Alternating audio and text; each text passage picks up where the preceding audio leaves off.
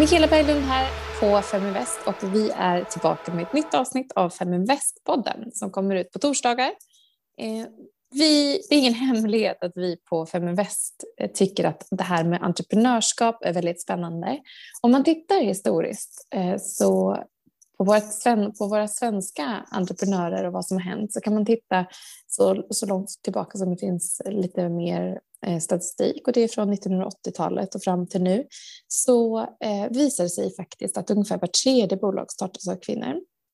Idag så ska vi prata, eh, eller fram till idag ska jag säga, startas var tredje bolag av kvinnor men på, i början av 1980-talet så var det eh, runt 20 procent av alla bolag och det tycker jag är väldigt häftigt eh, med tanke på att man då hade varit igenom en ganska social transformation där kvinnor hade getts tillträde till arbetsmarknaden och att vi så snabbt därefter också påbörjade eh, att starta bolag själva. Eh, tycker jag är väldigt spännande. Men samtidigt så har det kanske inte skett jättemycket fram till nu. Det finns olika eh, möjligheter för oss och eh, dagens gäst är själv entreprenör, Charlotte Lundberg, har grundat Favafond och eh, för dig som inte känner till Favafond sedan tidigare så är det ett mikrofinansföretag som lånar ut pengar till utrikesfödda som vill starta eller expandera eh, företag i Sverige. Och eh, om man då tittar på liksom hur det ser ut så nämnde jag initialt att kvinnor i, i inte lika stor utsträckning startar företag idag, men de som ligger längst bort ifrån eh, möjligheterna är ju just utrikesfödda. Så här finns ett stort eh, gap som vi ska gå in lite mer på varför Fava startats. För det startades i 2019 och har låntagare runt om i Sverige. Charlotte, ehm, jag, blir så nyfiken på att höra. Jag vet att du har över 30 års erfarenhet från olika positioner inom finansbranschen. Eh, Riksbanken och Rikshjälpen har du bland annat jobbat vid och har varit eh, utpositionerad i New York eller jobbat i New York under en period. Kan du berätta lite om vem du är och hur din karriär har sett ut? Ja, en lång, lång karriär. Jag har 30 år bakom mig och på varierande positioner då som du mycket riktigt pekar på.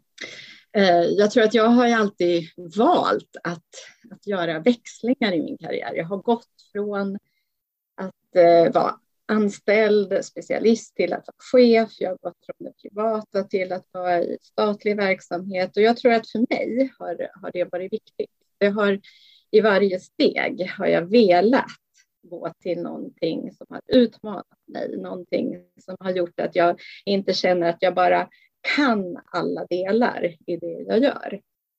Eh, det är nog också beskrivande för mig som person. Jag söker utmaningen med en skräckblandad förtjusning. Eh, och för att knyta an till det du sa om entreprenörskapet också, så, så är det ju så att mitt entreprenörskap har ju vuxit fram över tid.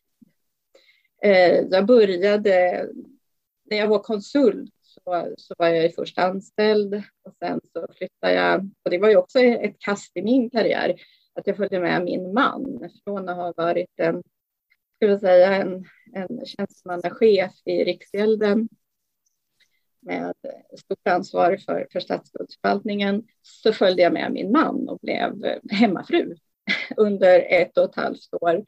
Men under det året så, så gjorde jag ju ändå eh, ett annat kast och det var att jag startade företag i, i USA. Så, och det var väl lite med det bagaget som jag också kom hem, fortsatte mitt företagande där jag också då startade företag här i Sverige och påbörjade det arbetet som jag nu jobbar med, med Fava Fond och att stötta utrikesfödda.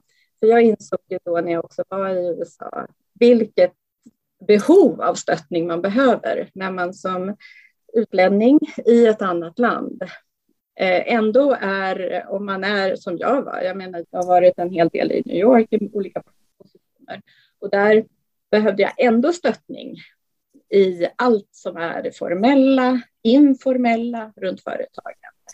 Vad kommer då eh, det här drivet engagemanget? Var det just den där upplevelsen i att vara den som var utrikesfödd så att säga och inte kände till systemet i New York som var grunden?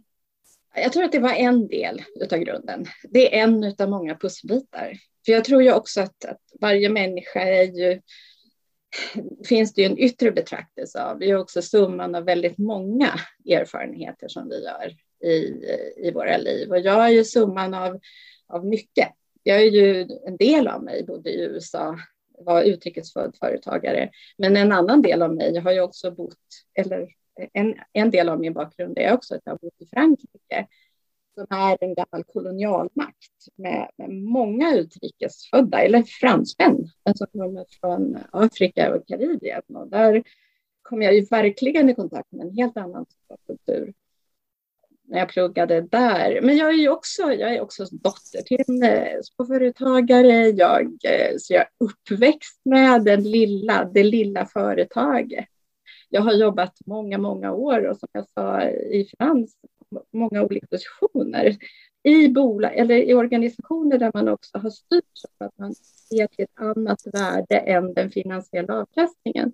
Att jobba på Riksgälden och Riksbanken är ju att jobba i det allmännas intresse. Och jag tror att jag har alltid, jag, det trivdes jag otroligt bra med. Alltså det var någonting som bara gav en genklang i mig.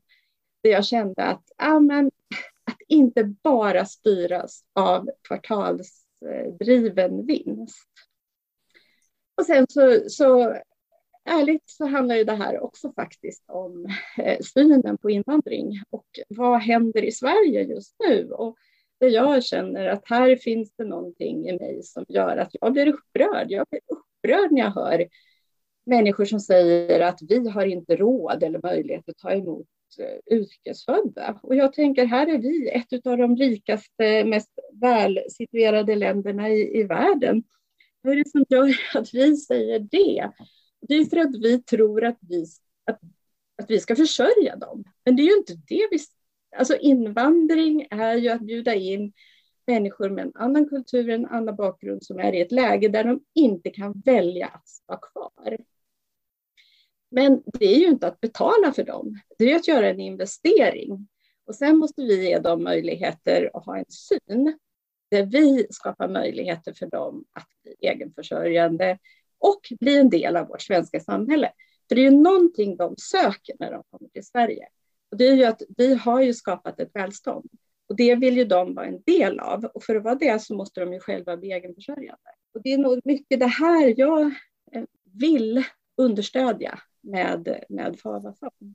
Arbeta för att stötta de här företag, eller personerna som vill starta företagen och att skapa win-win i det. För vi som svenskar ska ju också vinna i det här. Mm. Eh, och jag tycker ibland, eh, när man själv är entreprenör och träffar många entreprenörer, eh, så kan man ju tänka liksom, eller landa i att man tycker att det är liksom det ultimata för att den typen av personer som vill bli entreprenörer, de vill vara lite fria, styra sin egen tid och så vidare. Eh, men jag vill också säga det att här är det ju inte, alla ska inte bli entreprenörer, eh, utan det som jag ser som den stora liksom, utmaningen och det som jag vill bidra till, det är den diskrepansen mellan eh, de som säger ja, jag skulle verkligen vilja, men jag har inte resurser, jag har inte tillgång till nätverk, jag har inte tillgång till kompetens, jag känner att jag saknar vissa bitar. Eh, och där bidra med att liksom, ge, skapa den kontexten. Och det är ju lite så som Fava Fond fungerar för den här målgruppen också. Eh, och då, då är min fråga, vem kan vända sig till dig? Och Ja, vem kan vända sig till mig? Jag, vad jag försöker skapa är ett nätverk runt företagaren som handlar om att Favafond som organisation ska, ska tillhandahålla ett kapital. Men kapital är ju, idag så pratar vi om en, en marknad som flödar över av lånekapital. Alltså det finns, eh, gör en googling på nätet och du får 20 svar. Men det är ju också ett kapital som kostar. Det är ett kapital som ställer höga krav på återbetalningstider som är väldigt korta. Så, så det här dödar ju ett företagande, att, att, ha stora kapitalkostnader i början. Och där måste man ju gå varsamt fram i vad det är för låneerbjudande man ger. Så att det är rimligt i kostnaden, rimligt i att betala tillbaka, men med krav så en affärsmässighet i det. Så det kräver ju att en företagare som vänder sig till mig är eh, fast i sin Att man har en affärsplan, en budget, en tanke. Jag lånar bara ut till näringsverksamhet. Eh, men i det här också, kapitalet är ju en viktig del, men, men mikrofinans, när vi pratar och säger att Förvarfond är mikrofinans, då är det ju också mikrofinans som, som, som ursprung och som idé handlar ju om att det är kapital och råd, stöttning. Och här är det ju då att sätta företagaren i ett nätverk där där det finns kompetenta personer med kunskap och insyn runt företagande och vilket stöd eh, man behöver. Eh, till en stor del handlar det om eh, att en, ha en kompetent revisor slash redovisningskonsult som guidar dig till det mest fundamentala. Men som också i sin tur har kopplingar och kontakt med affärsrådgivare där man kan diskutera andra aspekter av företagandet, är affärsmässigheten. Hur funkar det i Sverige? För det är ju en annan aspekt av det här, att du landar en affärsidé i, i Sverige. Mm. Eh, kan inte du eh, ge några olika exempel eh, på typer av entreprenörer som sökt eller fått finansiering? Ja, absolut. Jag har, jag har faktiskt då, i, jag, jag, tror ju någonstans att när man är kvinna och, och, och, jobbar med det här så, så främjar man ju också det kvinnliga företagandet. Man lyssnar in andra aspekter eh, än, än vad en man kanske gör. Så jag har ju redan idag 40 procent av de jag lånar ut till är ju kvinnor de kvinnorna de jobbar, en är ju frisör, en annan har jobbat med, eh, hon är PT och gymtränare. Jag har också andra, någon som driver livsmedelsbutik. Jag har också reparatör av läsplattor och mobiltelefoner. Både en kvinna och en man som har jobbat med uppbyggnad av e-handelsplattformar eller sociala plattformar och sälja tjänster av olika slag via de här plattformarna. Eh, så det är en blandning av både det riktigt traditionella som man då kallar som i de här sammanhangen pratar man mycket om instegsbranscher det är ju sånt där man ser att det finns ett tydligt behov. Livsmedelsbutiker, kiosker, eh, rena tjänsteföretag och andra, en annan typ av företag. Mm. Och vad är då målsättningen med fonden och liksom, hur följer man upp de här investeringarna så att säga? Mm. Målsättningen med hela den här verksamheten det är ju att, att gynna eh, företagande hos utrikesfödda. Att stötta, att se att det händer mer. Så för mig är ju det här, det är inte bara att finansiera, det är att ge stöttning. Eh, finans, finansieringen är en, en viktig del. Jag tror att utan finansiering eh, så står man sig slätt. Eh, då är man återigen utlämnad till att det är någon annan, ytterligare en annan som ska, som ska tro på den här idén. Men visionen här är ju att skapa de här framgångsrika företagarna. Eh, att gynna dem och se till att de kommer fram. Eh, jag, eh, jag vill också att det här ska bli en, en jag brukar prata om win-win för att när man jag, har ju, jag vilar ju Favafond egentligen på två delar. Eh, och det är, ju, det är två ben. Det är dels utlåningsverksamheten som är att skapa den utlåningsmotorn. Men sen är det ju också att jag då har ett tänk runt och en skapat den här fonden som är en, en investeringsmöjlighet för företag och privatpersoner. Så att avkastningen här genereras från, från utlåningen, som är räntorna. Och det här är ju lite, kan man säga, lite schematiskt som en liten bank, men i en helt annan struktur. Men det är för att, att det ska... Jag jag tror någonstans att det finns en jättestark trend och önskan hos folk att också investera pengar i något som också skapar ett socialt värde, inte bara den finansiella avkastningen.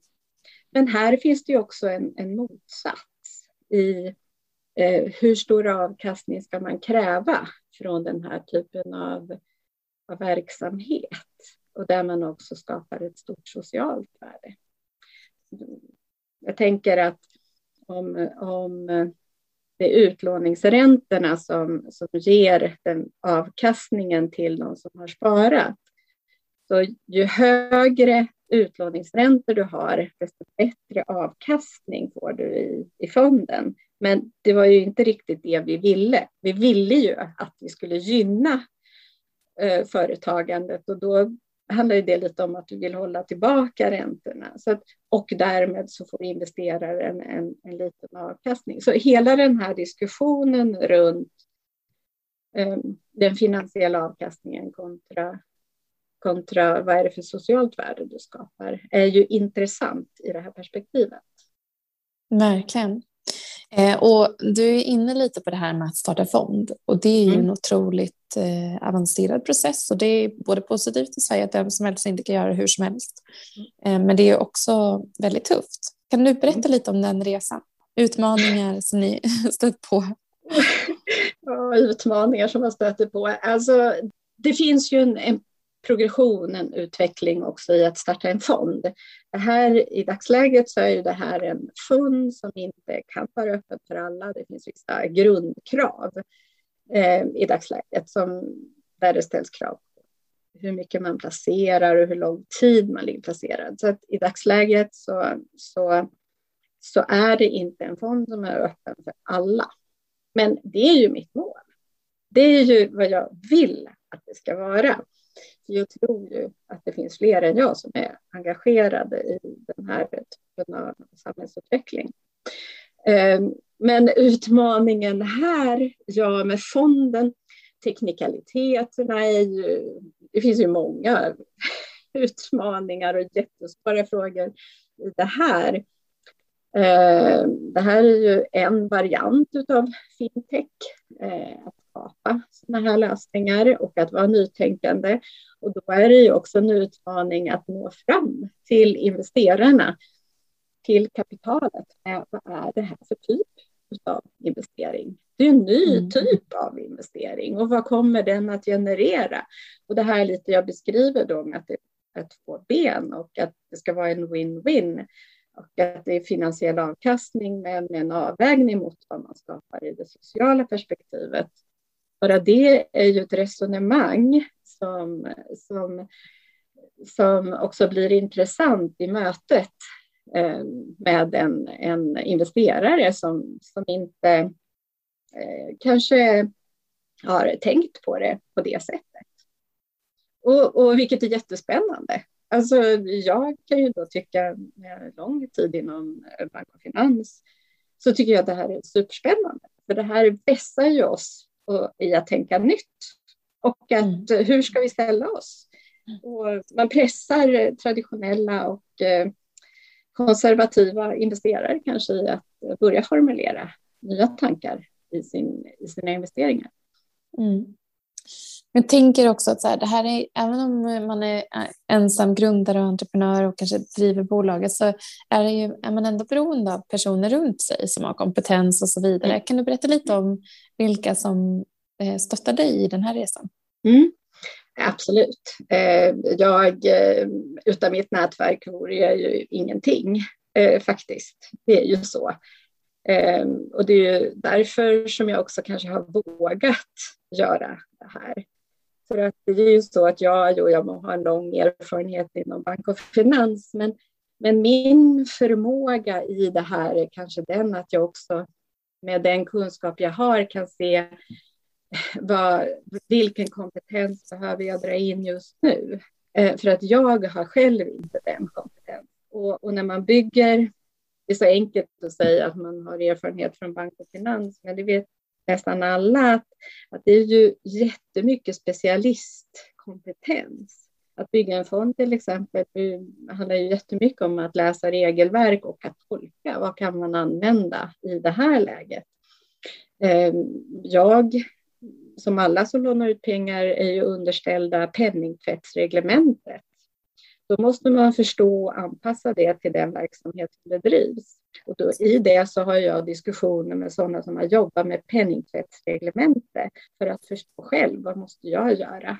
Så det är bara några tekniska exempel och där jag, alltså där har ju jag verkligen fördelen av att jag har mitt jättestora nätverk eh, och också gamla konsultkollegor som jag kan eh, eh, dra nytta av, av deras kunskaper.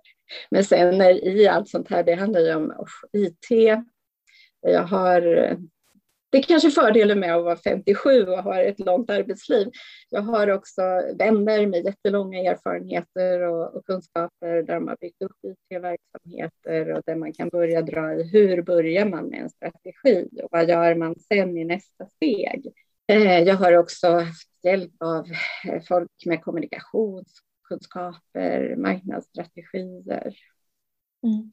Jag säger inga namn, för det är ju också så att de, de har ju hjälpt mig jättemycket och åter och åter så finns de ju som bollplank. Mm. Ja, Någonting man kan lära av det är att faktiskt våga ta kontakt med andra ja. Eh, och, ställa, och be om hjälp och ställa frågor, ja. eller hur? Mm. Um. Det skulle jag säga verkligen, och att dela med sig.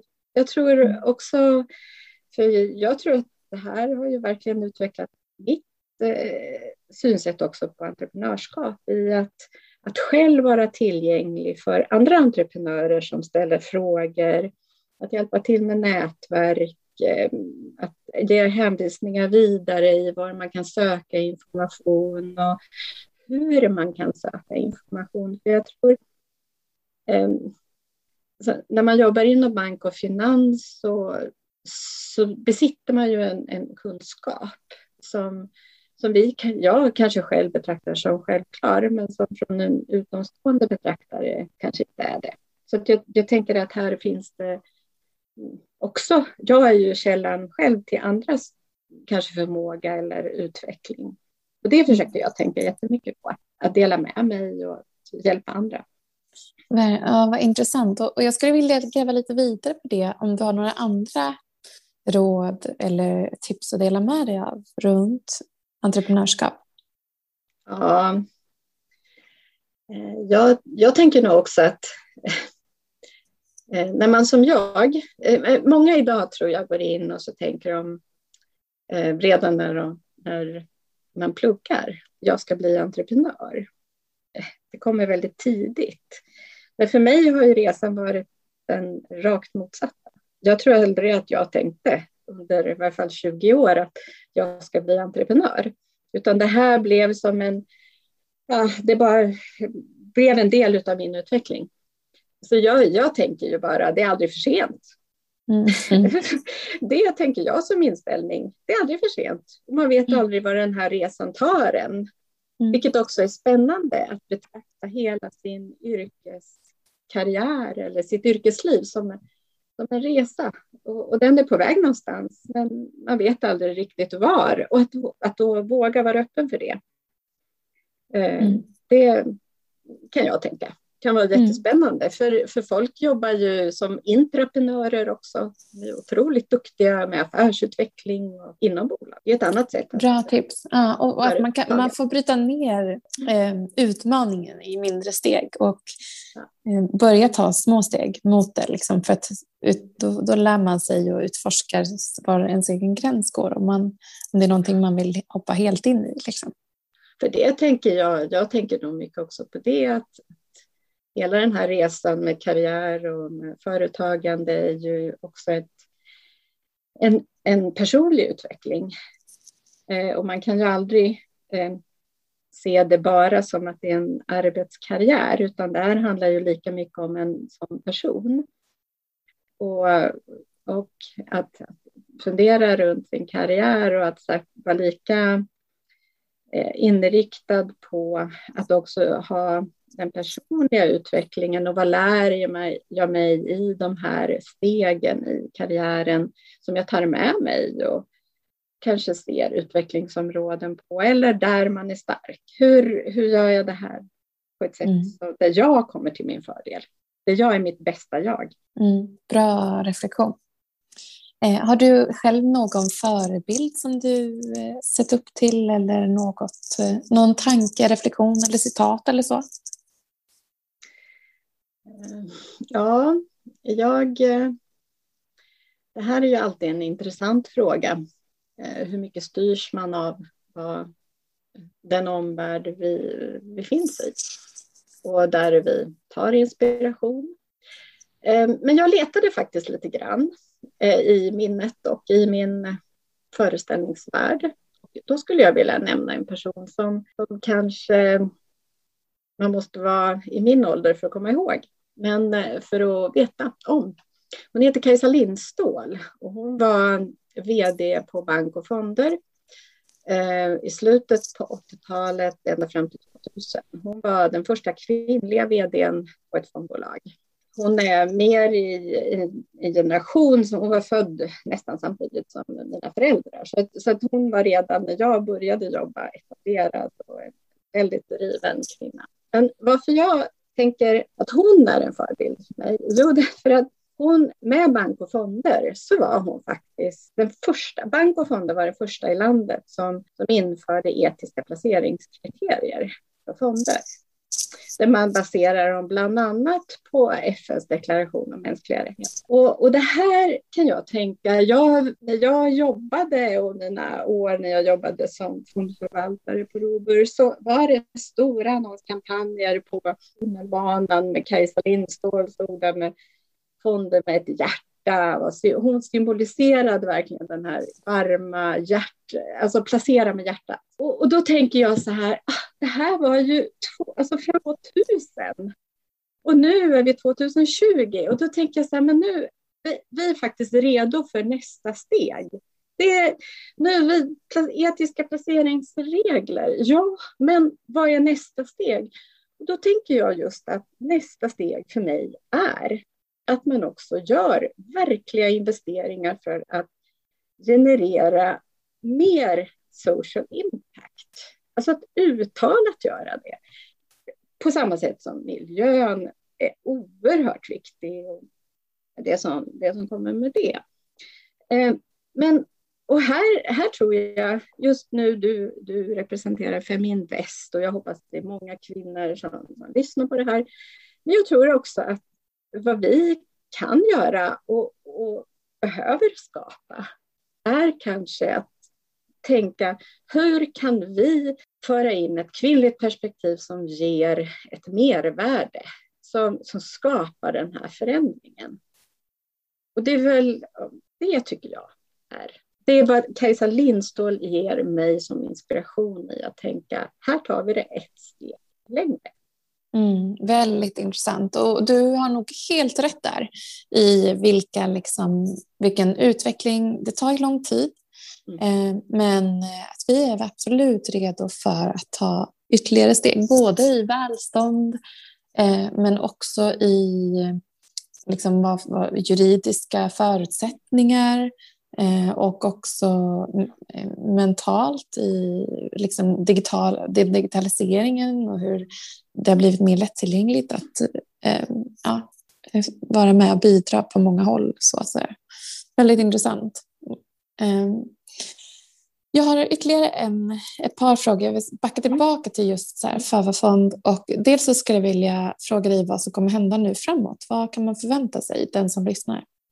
Mm jag håller ju på, jag bygger långsamt och säkert så bygger jag ju upp den här utlåningsverksamheten. Jag skapar de här nätverken för att nå både företagare, för att nå redovisningskonsulter, affärsrådgivare, nätverket och eh, styrkan runt det, runt utlåningen, stöttningen. Men jag bygger ju också för att hitta investerare eh, och i det här lilla där jag befinner mig nu så är allt finansierat via mig och eh, visst extern kapital. Men för att ta ett kliv, för att verkligen eh, göra någonting mer så behöver jag idag extern kapital. Så det, det är eller läget för mig. Mm. Eh, och eh, då vill man ju också landa i någon av de här entreprenörerna slutligen som du har hjälpt. Kan inte du berätta om eh, vad det här kapitalet faktiskt bidrar till? Ja, jag tänker så här, det finns just det här också för att ytterligare åskådliggöra det här med vad är företagaren kontra vad är entreprenören och att man kan ha man kan ha en ingång som är att jag vill försörja mig och jag vill hitta försörjning för mig och min familj. Och jag har en, en entreprenör som heter Avet. Hon är från Eritrea. Hon är ensamstående mamma med två barn. Hon har varit i Sverige i fem år. Och hon kommer från en företagarfamilj i Eritrea. Hon har själv drivit sin eh, för, eh, frisörsalong där. Hon är utbildad. Hon har också drivit eventföretag med sin mamma. Hon, hon är sångerska, så hon har en fantastisk röst. Eh, hon har vunnit eh, då tävlingar i Eritrea som motsvarande typ talangtävlingar. Och henne kom jag i kontakt med här hon bor i Hälsingland. Och hon startade det företag och en frisörsalong och i källaren har hon eh, ett biljardbord. Så att det är många eritreaner som går dit och, och spelar. Och um, det här har ju varit, hon startade förra året, det har varit en oerhört tuff resa under det året som var. Inte bara på grund av corona, utan därför att det är ett företag i Sverige som har helt andra regler och förhållningssätt i företagande och kanske också en formell struktur runt skattebetalningar och bokföring som inte finns. Så, så det har varit en oerhört tuff resa. Men det är ju det här som är så fantastiskt då med människor och med utveckling. Att när man som hon. Hon är en entreprenör. För hon har ju nu redan börjat forma planer om hur hon ska separera de här två verksamheterna. Hon började med dem i en och samma lokal. Hon har nu börjat skruva det här så att hon ska ha det på två ställen, så att hon anställer någon och driver biljarden, har frisörsalongen separat. Hon, hon har också börjat sälja saker i anslutning till det här och det här blir ju då en, nästan en export och importverksamhet och successivt så lär hon sig allting som handlar om att ja, men när jag utökar min verksamhet måste jag föra in fler SMI-koder. Vad ställer det för krav i min bokföring? Hur mm. redovisar jag det här? Hur sätter jag priserna? Hur motiverar jag dem mot mina kunder som är landsmän eller svenskar? Och, och här att hon också då börjar fundera runt, ah, men det är kanske så att jag vill göra ytterligare andra saker. Och det är det här som är entreprenören. Och vem kunde tro det? Om du såg henne på gatan, då hade du sett en eritrea eller en svart kvinna. Men du ser inte entreprenören. Men den, kom, den personligheten kommer ju fram när den får näring. Och då ska jag bara skjuta in det också faktiskt. Jag blir lite catchy här nu. Men, men mm. Fava fond har faktiskt en, en, en betydelse. Namnet Fava fond. Fava är bondböna, eh, betyder bondböna, the fava bean. Och ursprungligen när jag började spana runt det här så, så kallade jag det för projekt böna. För att eh, vi har alla i biologin haft det här lilla bönexperimentet som är en, en liten, liten förtorkad böna. Vad, vad händer? Vilken explosionskraft det finns i tillväxt när man bara tillsätter lite vatten och näring. Och det är det jag menar. Det är det som händer. De här personerna, de blomstrar när de får eh, den, de möjligheterna som man kan ge dem. Tack så jättemycket eh, Charlotte för att du delade lite din vision och dina tankar om den här, den här verksamheten, eh, de i sin tur som du får hjälpa men också din ambition framåt. Eh, oerhört inspirerande och jag önskar dig all lycka till vidare. Vi på Feminvest är tillbaka med en ny podd nästa torsdag och tills dess får ni hålla till godo i det härliga vädret. Nu känns det som sommaren har kommit på riktigt. Tack igen Charlotte för, för att du delar. Tack för att jag fick vara med.